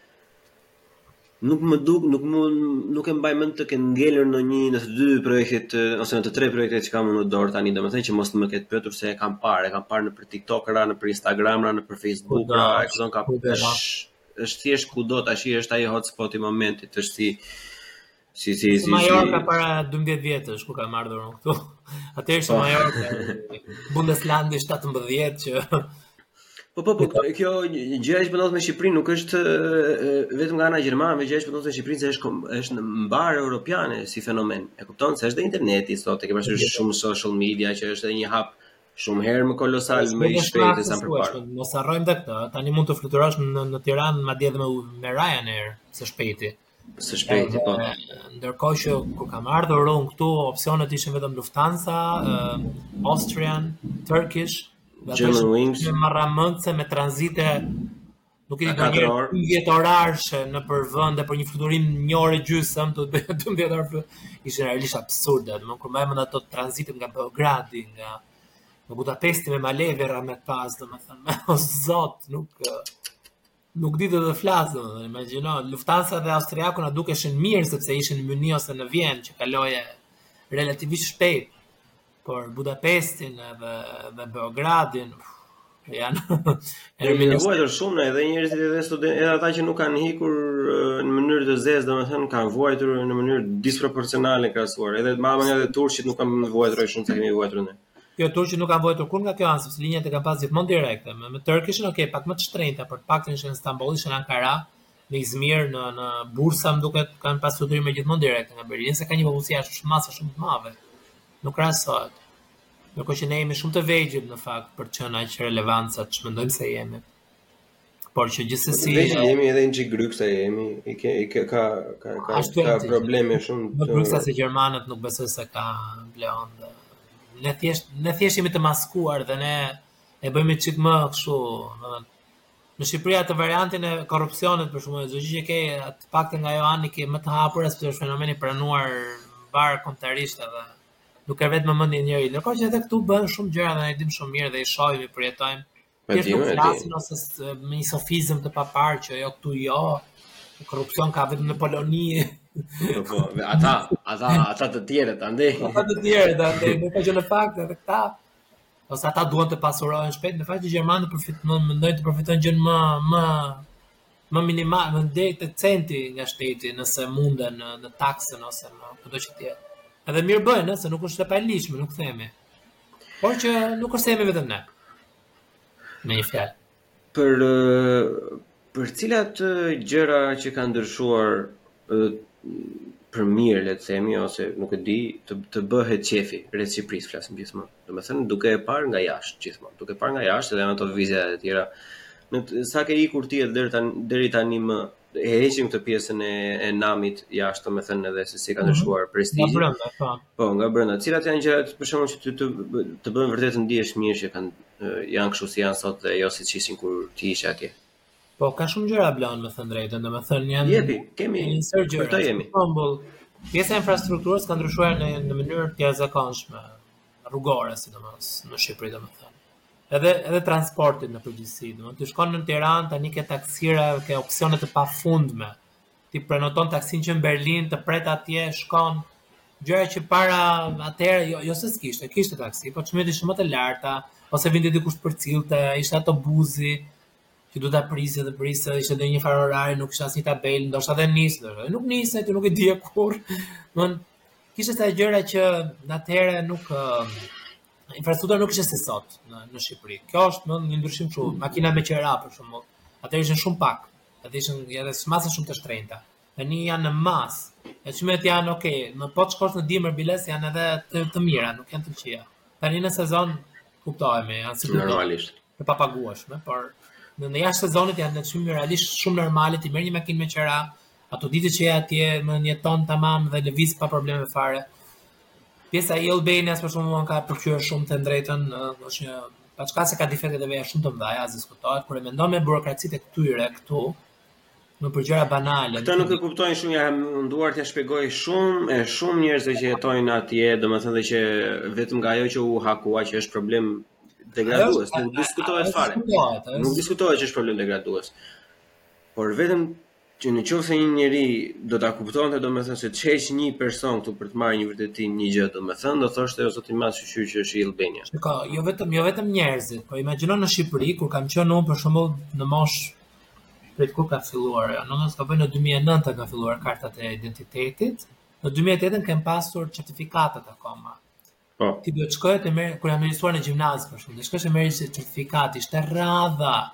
Te gjendja civile, nuk di çfarë të them, edhe njerëz që përplaseshin tek ajo, ka pas një, e kam kap dhe unë atë periudhë. O zot, domethënë kur e kujtoj akoma ka pasur një si tip dritare me ato hekrat e vjetra, pas po se njerëz që shtyheshin atje vetëm për çfarë për një certifikatë 500 lekësh, me një copë fotografie sipër. Një torturë absurde për për çfarë për një dokument identifikimi. Ndërkohë që sot atë certifikatën që edhe nuk të duhet më fare pothuaj sepse ke kartën e identitetit pothuajse gjithmonë, e merr në po. mënyrë aq të thjeshtë, thjesht online tak e aplikon, thjesht e printon ti. Dhe madje unë kam qenë në sportele se tani unë nuk e përdor dot domethënë e-Albanian se nuk kam nënshtetësinë. Prandaj që shumë funksione të e-Albanias nuk i përdor dot. Një certifikatë nuk e marr dot në në sistem. Unë duhet të shkoj atje dhe më është dashur të shkoj ke gjendja civile, duke qenë se ka shumë pak njerëz, është aq e thjeshtë zgjidhet për 2 minuta, nuk ka stres, nuk ka presion, nuk ka një dyndje aty njerëz që ka ajo. Domethënë kjo është gjë digitalizimi është një gjë shumë e jashtëzakonshme që është bërë. Domethënë në Shqipëri kanë filluar edhe ato takimet e doktorëve si këtu, bëhen të gjitha në sistem. Ka normalisht akoma probleme, as diskutohet. Normalisht, normalisht. As që nuk e diskutojmë këtë gjë, por të paktën është sistematizuar, nuk është më siç ishte atëherë. Në ca gjëra janë vënë në drejtim akoma, po. domethënë. Ose edhe ndërtime, mua më pëlqen që është bërë ndërtime në Tiranë, të jemi realistë, jo në këtë masë kaq. Edhe mua më pëlqen, po se do po. na kapin do na zën me gura. Po jo more Bla, nuk po them që në të jemi realist, nuk po them që është e zakonshme, por prap nuk krahasohet me ka normalisht që ka probleme, ka defekte, ka gjëra të gabuara që janë bërë. Ndërtime, më kot më kot vend e pa vend, jam po. domethënë kur ka ndërtime që ka zhvillim, në ushtari që shkojnë në Shqipëri, do shkoj shumë shpesh tani më. shof diçka ndryshe, gjëra që unë këtu nuk i shoh domethënë me me me 10 vjeçar ndryshe. Ti thua se okay do ruhet ajo, po çka kemi ne për të ruajtur, përveç asaj ndoshta qendrës që ka qenë imazh që mund ta ruaje, që tani është tepër vonë fatkeqësisht për atë. Por jashtë asaj Tirana në shumë pjesë të saj nuk ka pasur çfarë të ruaje. Vetë fakti që ne kemi shkatruar qytetin e vjetër me me bërjen e Pallatit të Kulturës në kohën e 1953-shin, Një bashkohemi te kjo pjesë. Ajo ajo është ngërçi po, kryesor se dhe unë po, jam është në Berat ajo gjë, me që ti vjen nga Berat. Aty do isha shumë kundra sepse Berati ka tradicionalen e vet. Është një gjë që realisht duhet ruajtur me çdo çmim të mundshëm ose Gjirokastra ose pjesa e brendshme e Korçës për shembull, që janë gjëra janë janë struktura qytetare të mirëfillta ose e Shkodrës e Vlorës që janë të ndërtuara por pjesa qytetare e Tiranës nuk i ka pasur këto fatkeqësisht. Atë që kishte e shkatruan atë identitet qytetar të vetin që kishte krijuar dal ngadal. Dhe kur u shkatrua ajo pjesën e që kemi ndërtuar në kohën e Enverit, pallatet alla sovjetike. Pa bursa ato. Që duhet ruajtur se s'bën, të jemi realist. Do këto parafabrikatet. Ata mund të lësh pallatet e bonifikimit ato me tullat e kuqe, ato mund të lësh të ku dëgjova, mund të lësh 3-4 copë që siç e kanë, kështu që ja ka kanë ekzistuar një. Po more Blan, po thjesht po them faktin që nuk është se ke ndonjë gjë aq për të ruajtur në atë aspekt sa që duhet, domethënë, imagjino edhe varrezën më të vjetër të Tiranës, që qe Varri i Bamit, Varri i Bamit. Po. E e prishën kur ndërtuan në gjithë zonën atje me parafabrikate në kohën e Enverit. Pra këto le të themi ato shkelmat le themi të të Tiranës nuk janë dhënë në kohën tonë, janë dhënë okay, si si atëherë sipas mendimit tim. Është prishur bashkia e Tiranës së vjetër ku janë martuar prindët e mi për shembull. Qe ajo një nga ndërtesat më të bukura atje, edhe pjesë e strukturës së ministrive dhe të këtyre e prishën ku është ndërtuar sot muzeu jonë kombëtar. Po se mbaj mend unë atë, un duhet ta googloj. Unë s'e kam arritur atë. Është prishur në vitin 70 në mos gaboj. Prindët e mi janë martuar në 69 në nëntor, e do jetë prishur diku në fillimin e viteve 70. Në po. në mos gaboj. Unë s'e kam arritur absolutisht, por që gjithsesi e di nga ta dhe kam parë fotot pas diskuto atë. Po. Dhe për më shumë Tiranës domethënë ka ikur dhe pjesa kjo më vret mu që ka që të kthente pjesa që ka ikur. Kjo kur pjesa që mbaja mend unë. Domethënë, kanë ikur njerëzit, dhe po ikën njerëzit, nuk ka më rëndësi të rrinë ndërtesa, me thënë të drejtën, sepse ata njerëzit e mbajnë uh, fillin. Ndërtesat në stacion historik. Po ikën njerëzit do do ikin edhe ndërtesa se s'ka kush interesohet më për ato ndërtesa. Për shembull kam gjetur para ca kohësh, një shumë interesante, një artikull për 21-shin, për lagjen e 21-shit dhe se si ishte ndërtuar dhe njerëzit që kanë jetuar atje në fillimet e veta, në vitet 50, në 40 ca 50 deri në fillim viteve 60. kur u prishëm me sovjetikët që filloi vala e parë e spastrimeve të mëdha që iknin njerëzit nga nga Tirana dhe shumë njerëz, shumë personazhe që ishin atje, në në që prindit e mi e mbajnë mend, unë s'e mbaj mend, s'e kam arritur, dhe kur ua kam dhënë atyre këtë artikullin, ta lexonin, e printova kastile dhe ua dhashë, nuk e di, domethënë, janë emocionuar shumë, sepse ishin realisht pjesë nga jeta e vet që kanë kaluar ata. Ata. Po. Mbanin mend njerëz, kontakte që kanë pasur ata, një vend, ndërkohë që unë mund të lexoj vetëm disa emra aty ata mbanin mend fytyrën, folurën, komunikimin, mirësjelljen. Pra kjo pjesa humane e qytetit, ajo ka humbur në Tiranë dhe ajo ka humbur për mirë fatkeqësisht. Nuk është se është nuk është se do kthehet më. Unë e shof edhe në lagjen time që është një lagje goxha lagje akoma. Shumë pak njerëz kanë mbetur nga ata që kanë qenë uh, kur jam rritur unë dhe po. Të vjen keq, kupton? Sepse ne kemi pasur një një marrëdhënie shumë të mirë ndërnjerëzore me njëri-tjetrin. Kemi pasur shumë ne jemi rritur bashkë dhe ka qenë e bashkë tek ndërkohë që sot ata që rriten fëmijët unë shoh nuk luajnë më bashkë në pjesë të tyre. ose zihen dhe shajnë në mënyrat më të ndyra, bëjnë ka shumë gjëra që ka humbur ai shpirt. E kuptoj, e kuptoj e... un shumë mirë se edhe kur ishim herën e fundit që u kaluam që u që kaluam, që që u takuam, domethën, më pas, domethën, në qoftë se ti e vë re këtë gjë në Tiranë, ku edhe ka rrëmujë, edhe ka kaos, edhe ka prurje, domethën Berati ishte. Domethën ishte Plako. Ishte tragji, tragjedi reale, domethënë se ça mund t'i ndodhi një qyteti të lënë pas dore. Kupton se s'arrite, s'ka që e kishte një, një në disa si turistash me, me, me pleqë. Se të rinj nuk bëhej fjalë. Nuk po. bëhej fjalë të rinj, e kupton. Po gjen një gjimnazist, një e në vjeçar, Edhe gjimnazistët nuk i shikoje se shkolla ku unë kam bërë, që ka të kthehemi te shkatërrimi i këtyre domethënë, është shkatërruar se po ndërtohet e re, që duhet të ndërtohej e re, se ishte e keqe shumë domethënë, edhe ata edhe gjimnazistët e kishin shkollën mbas dite, kështu që kur ti kur dilje në atë moment nuk shifje asnjë njeri. Ashtu është. Pastaj fytyra që je rritur, domethënë edhe tjerë e tjerë, që qyteti i vogël ne ke e njef minimumi një njeri që është lindur dhe ka rritur aty, e njef minimumi gjysmën e qytetit. Patjetër, është qytet. E imagjino, unë vajta edhe, nuk e di, njofa, apo s'i njofa tre-katër fytyra. Po ka humbur kjo, domethënë çdo gjë, kur humb kjo atmosfera, kjo kjo ky shpirti i qytetit le të themi, për mua ndoshta ose ndoshta mund të jetë që është transformuar në atë mënyrë që unë nuk e gjej më veten, ndoshta njerëzit që janë atje tani e, e kanë akoma sepse jetojnë. Mund të jetë kjo, sepse unë duke qenë se unë jam shkëputur dhe fatkeqësisht jo vetëm unë, por gjithë brezi. Ne sot ta shofim, e kupton. kanë ikur, domethënë unë kam shumë pak shoqëri nga brezi im në Tiranë, mund të jenë 3-4 persona. Dhe të tjerët janë larguar që gjithë pothuajse, janë gjithë nëpër Europë. Prandaj që nuk është se mund të rigjej dot Tiranën time në le të them në atë aspekt. E kaluam, e kaluam, e kaluam tek tek ajo tek le të themi pyetja ose tema e radhës, domethënë që cilat janë gjërat që janë problematika, edhe meqë e prekëm këtë pjesën e ikjes, po e lëmë mënjanë. Mm. Ça, ça, ça të shqetëson më shumë për momentin plak, nëse duhet tu? Ça, me, ça, ça shikon kritike, po? Në Shqipëri, po, në përgjithësisht, po në Tiranë, sepse ti aty e ke bazamentin. Qartë, më shqetëson akoma fakti që nuk kanë arritur të realisht të bëjnë një menaxhim të mirë plehrash, duke u kthyer prapë te plehrat, Mhm. Domethënë duket shumë fatkeqësi që në Tirana, të paktën në Tirana, edhe mirë qytetet e tjera, se janë më të vogla, është më e thjeshtë, po në Tiranë nuk është arritur të bëhet një një sistem Tira është më mirë se sa në Tiranë. pra. patjetër, se janë më të vogla, mund të bëhen gjëra më thjeshtë. Por kam fjalën tjetër ku, domethënë, ti ke lagje të strukturuar, lagje që jam unë është lagje strukturuar, është lagje e vjetër, nuk është lagje e re që, okay, ti nuk njef, domethënë, më s'ke as rrugën, Duke qenë janë të gjitha infrastrukturat e duhura. Ti mund të bësh edhe infrastrukturën e saktë edhe për ndarjen e plehrave që mund ta ashtu. Edhe ajo është akoma në nivele bazike. Domethënë kjo është realisht për të ardhur keq.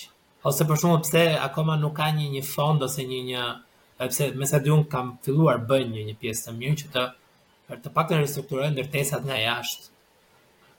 Ne mund ta bëjmë tani këtë gjë. Një fasadë nuk i kushton gjë njeriu, se apartamentet nga brenda tre çereku i familjeve i kanë bërë Nuk është ndonjë gjë e re. Por nga jashtë. Hysa, vura re unë që do të ndaja me ty këtë pjesë se jemi direkt, jemi drejt se mos harroj tek kjo gjë që sapo përmendë ti. Ka filluar rëndom tashi Laliri, domethënë që bën këto pikturat e bukura nëpër fasada dhe një po. nga ato të fundit domethënë. Po. Nga të fundit që pa shumë, por nga të shumta të tilla janë tek pallatet e Enverit në tullë, po. direkt në tullë. Po. Tani me çfarë lloje mendësie se këtu më prek edhe në në në, në vend të butë, më, si më edhe i fushës domethënë. Tani si si mund të uh, shpenzosh lek për të bërë një pikturë që është ideja shumë e bukur, më pëlqen, unë jam pro asaj. Po kur mm. ai nuk ka një izolim, ai nuk ka një suvatim, le, e heqim izolimin, s'ke lek për të bërë izolim, të bësh Kur ai nuk ka suvatim, domethënë që është tulla që i hyn i ftohti direkt mes përmes fugave brenda, domethënë si mund të shpenzosh lekë të bësh një djalë duke qarë apo duke u menduar në tullë.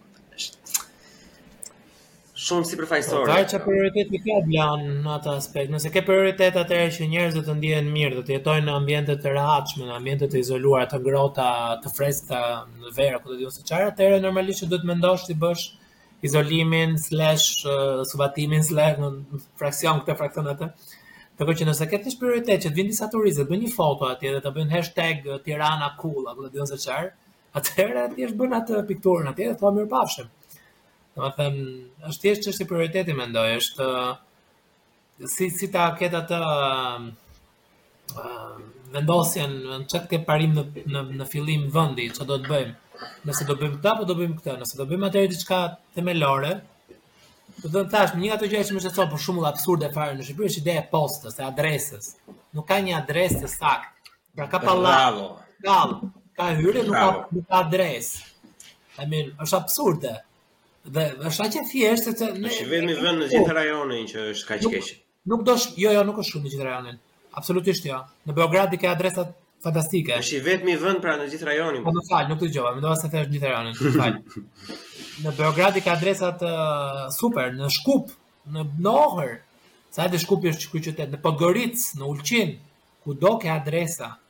ke kutitë e postës, nuk ka ndonjë shkencë të madhe të mbledhësh një dhjetëshe atje me kutia dhe fut një, o një emër o një numër edhe thjesht kush ka një postë e hedh atje.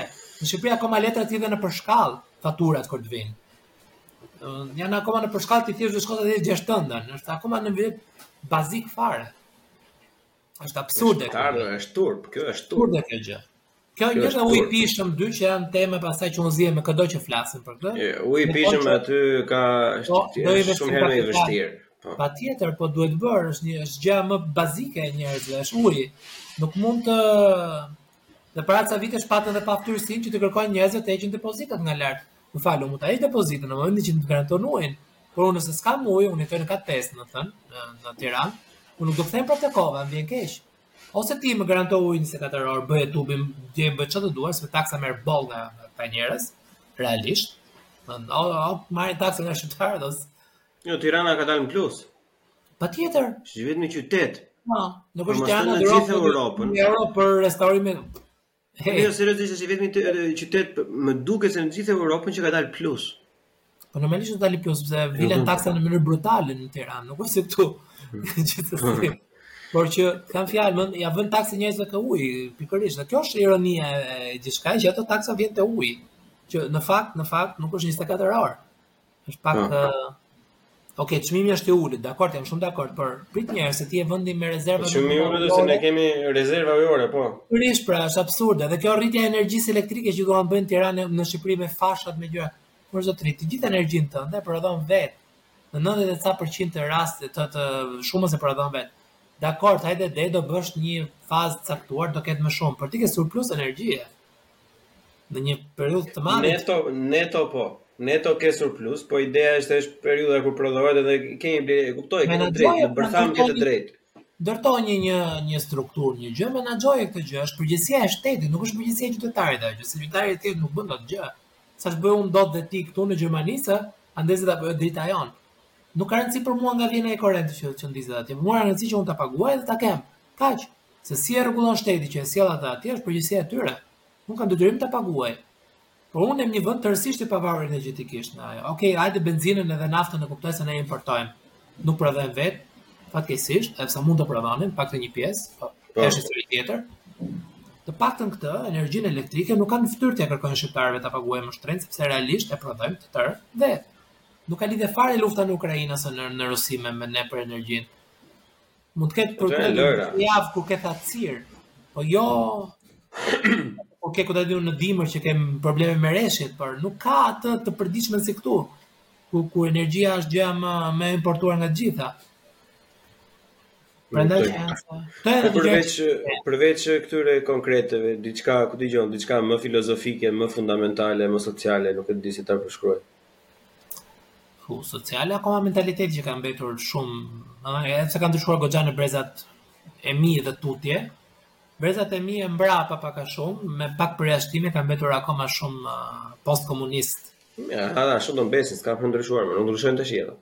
Dhe kjo është gjë shumë, shiko, ka edhe një gjë tjetër, domethënë deri në 2010-ën shqiptarët ishin shumë të izoluar në sens se me vizat flas në këtë aspekt dhe nuk është se kishin ku të kuptonin se si janë gjërat realisht në perëndim. Edhe kishin një një imazh të idealizuar të perëndimit. Mm, realisht, sidomos të këtyre në Greqi dhe në Itali një herë që E po ishte ishte romantike fare, ishte. Kishin një një një imazh idilik të këtyre vendeve, sidomos Italisë, edhe Greqinë pak a shumë jo jo aq keq, por Italinë e kishin në në nivele stratosferike. Italinë Anglinë e kishte epsh, eros ishte dhe diku. Nuk e njihnin si vend, domethënë, okay, ndoshta pjesa e jugut të Shqipërisë kishte Greqinë se ishin me paralelizma të tilla. Por që kishin një një jo një dashuri idiote, por një një adhurim idiot ndaj Italisë. Italia është vend shumë i mirë, nuk themi, ne e heqim kapelen për ato që ka kur e thon, sepse është e pandire i dhim film, por ka dhe gjëra jashtëzakonisht shumë negative. domethënë të jetosh në Romë e poshtë është më keq se të jetosh në Tiranë, me thënë të drejtën. Po qe se më dhënë një opsion, jo Romë, se Roma është ku e ku po. Bologna e poshtë, më thua, unë nuk jetoj kurrë atje. Më mirë jetoj në Tiranë, se sa jetoj në Bologna e poshtë, kupton? Hajde ndoshta Roma se është kryeqytet e ka një çikë atë. Po të shkosh poshtë Romës? Po pa çan të gjitha ato Puglia, Kalabria, Sicilia, të vdekura. Dhe mund të shkosh 2-3 javë për pushime, patjetër për qejf po. Edhe gjithë Romagnoli i vdekur është. Dhe ne që kemi unë kam qenë disa herë. Si si që si thon Romagnoli tash i të thon Lazio, do të si si. Lazio po Lazio, po. Lazio është në në Gjermanisht. Po. Domethënë është realisht aq e pashpresë si vend, shumë më keq se Shqipëria. Shqipëria është më e vogël, është më dinamike, domethënë Italia duke qenë më e madhe, është më e vështirë për të ndryshuar në mënyrë pozitive.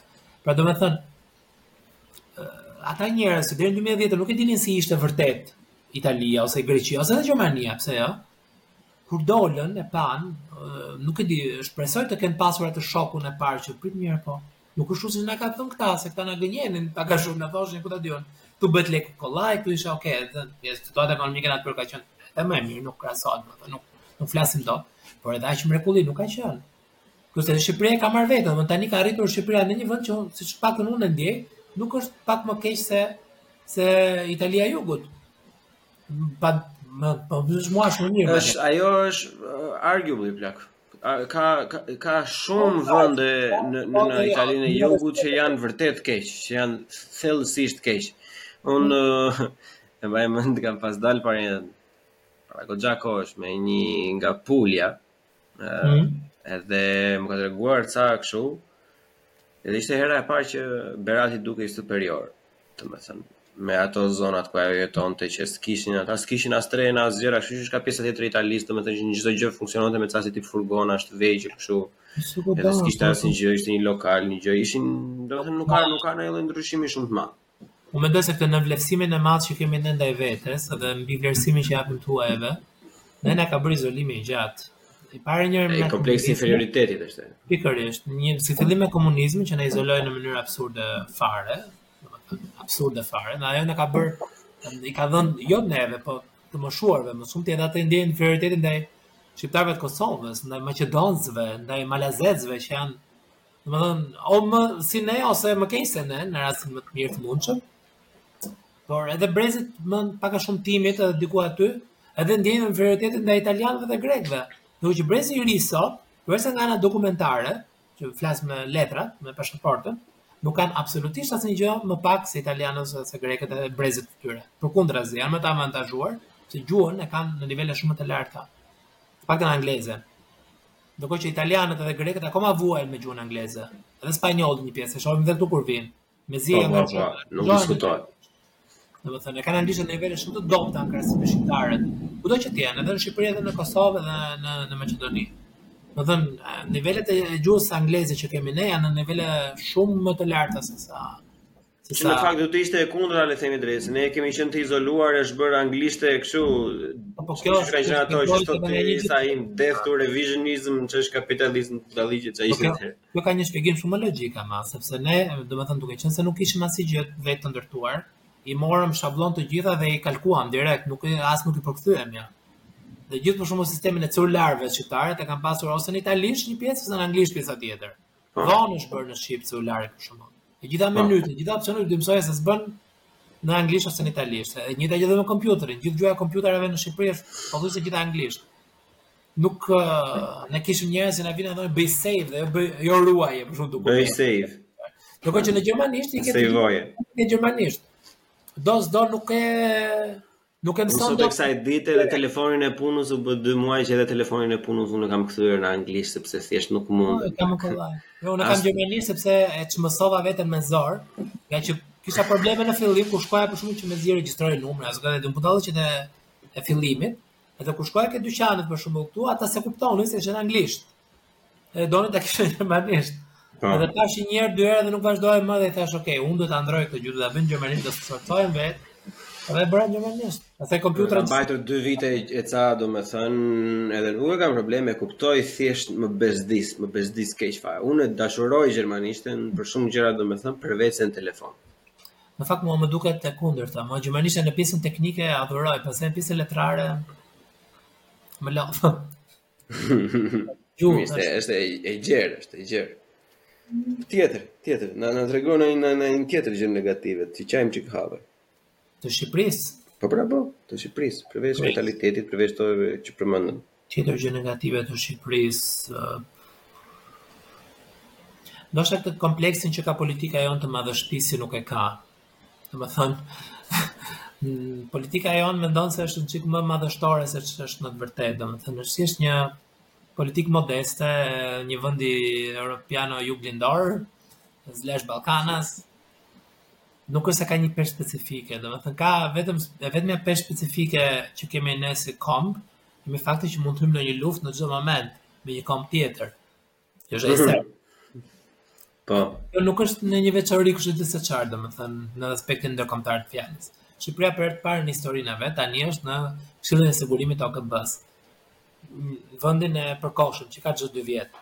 Është një vend tërësisht jashtë pa... Pesh, pa, pa asnjë lloj peshe. Thjesht mund të bëjë këshillime të rezolutave një gjë, mund ta bësh dhe kur je në në General Assembly. Nuk ka nevojë në në, në asamblenë e përgjithshme të OKB-s, nuk ka nevojë. Janë honorare kështu janë. Nuk kemi asnjë peshë specifike. Jemi në NATO, okay, këtë e kemi, por në NATO është dhe Mali i Zi, në NATO është dhe Maqedonia e Veriut, më fal. Domethënë. Për shembull ne, të vetmën kartë që mund të luanim kundër Maqedonisë së Veriut për njërin e, e shqiptarëve aty, nuk e luajtëm. Veto ndaj Maqedonisë së Veriut, që e luan Bullgaria, e luan Greqia, ne s'e luajtëm fare. Morëm gjuhën. Jo, nuk e morëm gjuhën prej vetos, ne nuk vumë veto. Jemi realistë. E morëm përpara, pra, para vetos. Nuk ka lidhje fare me procesin e NATO-s, absolutisht fare. No. Gjuha u morë për faktin se shqiptarët në Maqedoninë e Veriut janë 25 deri në 30% e popullsisë. Sipas ca regjistrimeve edhe më shumë. Sipas zgjedhjeve të fundit në fakt doli pothuajse dyzet sepse ishin të vetmit në diasporë me votimin më të lartë. Dhe kjo i prish shumë punë shtetit maqedonas verior sot modern. Sepse edhe ai ka ma deputetë shqiptarë që ata nuk e donin. Normalisht nuk e donin, nuk e kanë dashur. E shiko, numrat realë janë gjithmonë më të mëdhenj. Për Pretendohet që duke llogaritur dhe ata maqedonas verior që janë jashtë, po akoma me nën shtetësinë maqedonas veriore, numri ose përqindja e shqiptarëve arrin deri në dyzet e shtatë përqind popullsisë që është që del pastaj me këto formulat e reja shumicë në Maqedoni. Automatikisht. Po, se bulgarët janë bulgarët e turqit ke edhe çka tjetër Maqedonia e Veriut. Pikërisht, po problemi me ata atje është sepse një pjesë e mirë e shqiptarëve janë të regjistruar si turq, ca boshnjakë, ca grekë, ca serbë. Në fjalën që ne nuk kemi, domethënë, ideja ishte që një herë që mund të përdorej rëndësia politike e shtetit shqiptar, që ishte vetoja në NATO, nuk u përdor.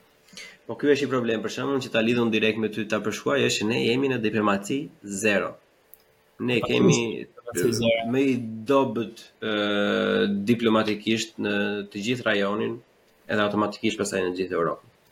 E di pse mendoj se ndodh kjo gjë, sepse nuk kemi një shkollë të vërtetë diplomacie, që të ketë qenë realisht shkollë diplomacie, domethënë, atëherë kur është strukturuar diplomacia shqiptare, që është në kohën e monizmit, Se përpara ka pasur, po ama jo atë nivel uh, aq të fort në sensin diplomatik të fjalës. Highlightet tona kanë qenë rezoluta që kemi bërë për Kinën, për shembull për të futur Kinën në Republikën Popullore të Kinës, ta zëvendësonte të merrte vendin e Këshillit të Sigurimit që ka pasur Republika e Kinës, që është teknikisht Tajvani. Po. Dhe kjo ka qenë highlighti më i madh i politikës së kohës atëherë që u miratua si rezolutë, domethënë, s'ishte merita jonë se e bëri Kina.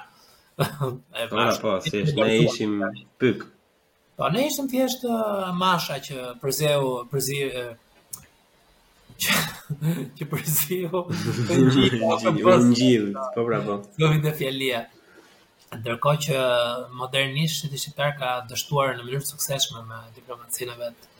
Dhe nuk kemi bërë diplomaci as për Kosovën as për gjë. Ndërkohë që duam s'duam ne, shteti serb i sotshëm e ka trashëguar uh, diplomacinë jugosllave, Diplomacia jugosllave ka qenë pol botëror në kohën e vet, po ka qenë shkollë dhe realisht më vete. Na pëlqen apo s'na pëlqen kjo gjë, është më Në më jo, jo, s'ka farë. Në më në mend, Titoja dhe shkolla e tij, vetëm ti ka, si që vetëm individi. Shkolla e brezi i tij, domethënë jo. Nukli i tij, formuan një pol të tretë botëror. që ka frutet e frutet e së cilës ata po i vjelin edhe sot e kësaj dite, kështu që bravo i qoftë. Me vende ku mund t'i blesh me një arkë banane siç thonë po po se por ja që ata e bëjnë, ne nuk e bëjmë. Pse nuk i blejmë ne atëherë, pse nuk i blem? Ço është i parë në zësh, që është themi të vdeku. Kështu që mos zgjatemi, mos zgjatemi më shumë për episodin. Më shumë se ajo Leon është mosinteresimi i shtetit për politikat e mëdha kombëtare. mendoj unë. Nuk është puna se. Unë nuk mendoj se është nuk është interesi i tyre. Ata thjesht janë nuk e kanë aftësinë që që ta që ta ë um, le ta themi detektojnë atë interesin sepse janë shumë të fokusuar në luftën mes llojit. Edhe e humbet atë the bigger picture, për shembull nuk e kupton dhe rëndësinë e politikave. Unë një pyetje të fundit kam po, po, që mos zgjatemi shumë më herën tjetër se ne do të dëgjojmë përsëri në në hapësirë publike me me debate pastaj se Megjithëse sot, sot po kënaqemi për shefin tonë më shumë. Um, sipas teje, domethënë, meqë ti ke edhe shumë herë më shumë vite se sa unë edhe je përfshirë, domethënë, në këto që më përmende pak më përpara e tjerë e tjerë. Mm -hmm. Shqiptarët që janë në emigracion, ça gjërash të mira eh, mund të bëjmë për Shqipërinë, për kombin, Jo për shtetin automatikisht, por për kombin më shumë, domethënë.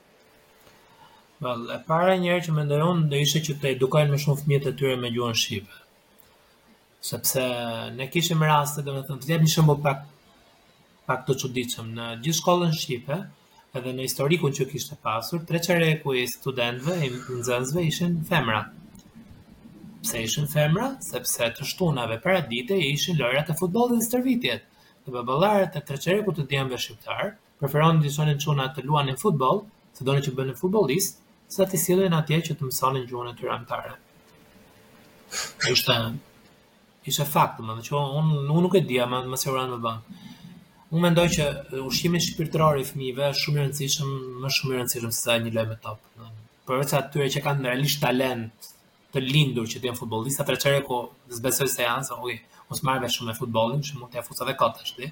Por gjithsesi si po. mendoj në si në çdo gjë tjetër në jetë, dhe një pjesë shumë e vogël prej nesh ka talent të lindur në diçka. Nëse lëvron atë ia del me të vërtetë. Pjesa tjetër pastaj janë thjesht ose wannabes, ose ata që përdorin edhe, ku di unë, kanë një hobi, Ka zgjodhur se çfarë. Gjithsesi, të kultivojnë shqiptarizmin e fëmijëve. Kjo është akti më i madh i kombëtarisë që mund të bëjnë. Se këta fëmijë nëse nuk do ndihen shqiptarë nesër, ne na vdes brezi i dytë, brezi i ardhshëm. Pra nëse ti fëmijës nuk i mëson që ti je shqiptar dhe çfarë të mirash ka kjo, në mënyrë realiste, ëh, jo jo me mite të tipit ku ta di unë, me mite absurde. Nëse ti ia shëndetshëm ia, ia mëson fëmijës tënd identitetin e tij dhe thua, "Ok, ti je shqiptar sepse unë babai yt, unë nëna jote jemi shqiptar." Dhe ne dhe kemi këtë pjesë kulture, këtë të mirë, kemi këto të këqija, por ne jemi kështu siç jemi dhe ne jemi shqiptarë, kjo ka rëndësi. Kjo do të kjo është kontributi më i madh që mund të bëhet kombit shqiptar njëherë që brezi i ardhshëm, që ai fëmija nëse pasnesër që do jetë gjerman, se lindur e rritur këtu, ai do jetë realisht gjerman, me identiteti i tij parësor nuk është shqiptar, jemi realistë, është gjerman, po thellë thellë e ka atë dashurinë, e ka atë lidhjen me Shqipërinë. Dhe nëse për shembull nëse bëhet presidenti i Gjermanisë, se edhe mund të bëhet, nëse bëhet kancelari i Gjermanisë, se edhe mund të bëhet, të paktën të ketë atë Bindung, atë atë lidhjen, atë ndjesinë, atë dashamirësinë ndaj Shqipërisë. Dhe jo ta ta ta shofi neutralisht ose më keq ta shofi negativisht. Siç mund ta shofi për shembull nëse do ishte ku ta di unë. Ë, me origjinë serbe dhe prindët e tij do i mësonin serbizme. me të drejtën e tyre të plotë, sepse mund të japim edhe shqiptarizmin fëmijës tonë, fëmijëve tanë. Prandaj kjo është një kontribut i madh. Kontributi i dytë që do doja unë është të grupohemi me njëri-tjetrin. Ne jemi shumë në në në Gjermani, ta them. Ne jemi jashtëzakonisht shumë. Por nuk jemi aq shumë sa për mos u bashkuar në sensin. Nuk po them thjesht të bashkohemi se jemi shqiptarë, është absurde. Por çdo njëri nga ne ka interesa të mirëfillta. Është një nismë që që jemi edhe pa, bashkë pjesë e Ilir e Mbrenjës, është një gjë shumë interesante që bëhet. Realisht po. sepse njerëz bashkohen bashkë dhe shkëmbejnë diçka me njëri-tjetrin, dikush në një furrë, dikush në një formë tjetër, rëndësi s'ka. Nuk është se do bëjmë ne, domethënë, s'do ngremë Kullën Eiffel prapë. As këtu as në Tiranë asgjë, është bërë ajo. Ne të bëjmë ça të mundemi, atë me sa kemi mundësi. Qoftë për njëri-tjetrin këtu, por qoftë edhe për ata që janë në Shqipëri. Pse mos? Pse mos të kemi mundësi t'u japim atyre mundësi? Pse të marrim një firmë IT-je rumune ose bullgare ose ku di unë nëse ka nevojë firma jonë për një firmë IT, pse mos e marrim nga Tirana? S'ka asnjë pengesë sot më sot. Nuk ka asnjë pengesë për ne të bëjmë këtë gjë reale. Pse mos i japim një shans atyre? Pse mos për shembull nëse është një projekt zhvillimi diku dhe ne punojmë në një organizatë këtu, pse mos e orientojmë nga Shqipëria ose nga Kosova, nga Maqedonia, rëndësi s'ka. Nga vendet tona, pse mos e orientojmë ke vendi jonë? Pse nëse ti dëgjon punon në një ku ta di, në Ministrinë e Kulturës këtu ose në një institucion kulturor dhe dëgjon të dëgjon për një projekt me qëllim rinovimin e ndërtesave historike. Pse mos i drejtosh te Berati. Pse t'i lësh të shkojnë në Stara Zagora që do ishte ose Veliko Tërnovo në mos gaboj në në Bullgari. Ose në Ohër, nëse do në në më paralel. Pse ti thua se pse mos e orientosh ti te Berati, kupton? Nëse është mundësia gjithmonë, pa Prandaj po, po, e kuptoj. Të vogla që mund të japësh, pse mos i japësh një shans dikujt ose diçkaje që është e jotja. Nuk po them t'i bëjmë keq, nuk po them hajde të mblidhemi të shkojmë të, të luftojmë me Serbinë ose ku di unë çfarë. Ato, ato nuk i bëjmë dot ne. Është absolut absolutisht që nuk i bëjmë dot.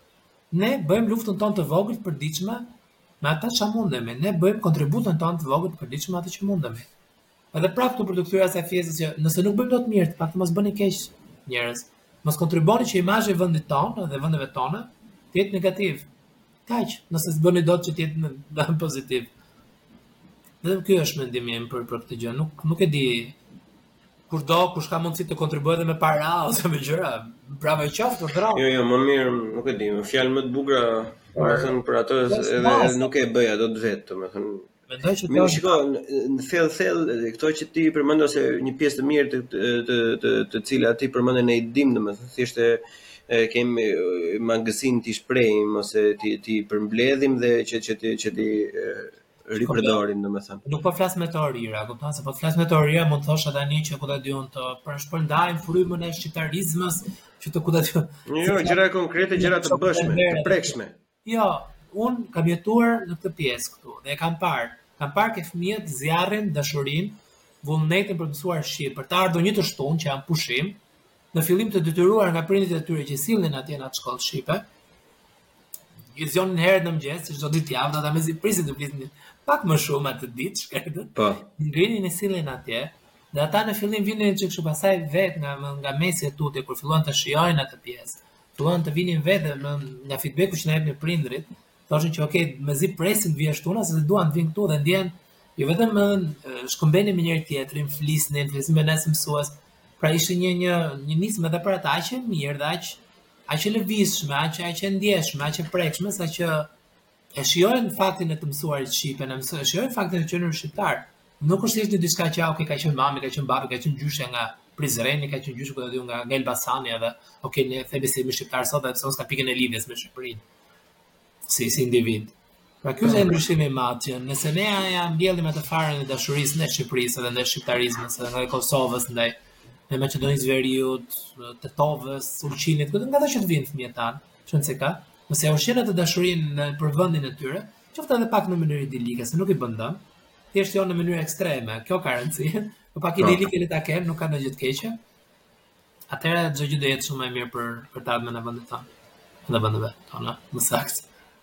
U ndajon. Tani, miq të dashur e dëgjuat, po nuk e keni dëgjuar, bëjini një repeat prap, çojeni, çojeni mbrapa, dëgjojeni, derisa t'ju, t'ju ngelet në vesh. Për po. gjithë juve që shikoni nga YouTube, e dini se ky episod ka dalë shumë kohë përpara në Spotify, subscribers dhe Patreon. që ju mund të jeni pjesë me shumë modeste, pasi tani do fillojmë do ideja është të më thënë se ne e, e, cekëm pak këtë grupit të pjesën ideja është që unë duhet të krijoj një farë lloj bazamenti mm. edhe që ato donacione le të themi ose ato pledges ti dyfishoj dhe ti hedh përsëri për marketing sepse kam në plan të punësoj dikë që merr vetëm me pjesën e marketingut, shorts, teaser, trailer, e ke parasysh këto gjëra të tjera. Është diçka shumë e mirë, vetëm për atë punë, por sepse nëse ti realisht e bën në mënyrë të duhur dhe e bën tamam siç duhet, ë uh, atëherë mund të kesh edhe për investime për gjëra të tjera. Po eins nach dem anderen. Të bëjmë të, të bëjmë mirë këto, pastaj nëse kjo është ndërrohet diku diçka tjetër më vonë, Shiko, edhe të keqes i, ha, i hapet dera, jo më të mirës se ajo nuk diskutohet fare. Avash avash dhe gur gur bëhet kalaja, një hap pas tjetrit, rëndësi ka që të jetë mirë dhe mbështetjen e shoqërisë ta ketë të paktën. Ti që ti të da dhe. Po normalisht, jam, jam edhe shumë falenderues, se nuk diskutohet fare ajo pjesë. Ajo është... Um, Do me thënë është e vështirë, ja. E shikon, është e vështirë, është e vështirë për të për të thënë për mua në fjalë sepse është një nga shtycat më të mëdha, është bazamenti, është aty ku lindin ide, aty ku lindin debate, aty ku ë vijnë ato njohuritë e para përballet me me me dukuri të reja, domethënë është aty është gjeneza. Pra, unë kam thënë dhe them, domethënë podcasti kontributi yt pra në pjesën e shqiptarizmit që i shtyn pak njerëzit në debat për këtë gjë dhe kjo është gjë shumë e shëndetshme. Të paktën për kulturën tonë është e zakonshme që duhet të kemi. Të mësojmë edhe ta kundërshtojmë tjetrin, ta dëgjojmë kur na kundërshton, ta pranojmë kundërshtinë, ta pranojmë dhe kritikën, të themi edhe faleminderit edhe thjesht vazhdojmë tonën. Ndoshta për një herë është na vë vath në vesh. Fjala jote në vesh të perëndisë, po. Është edhe jo, mund ta vetinjorojmë. Po. Ti ka shumë konfliktuar me. Po. Të tjerat. Na ja. Mik i dashur, unë të falenderoj përzemërsisht. Edhe ne edhe do shifemi, edhe do dëgjohemi në episode të tjera dhe në formate të tjera. Ju falenderoj. Faleminderit. Ciao. Ciao.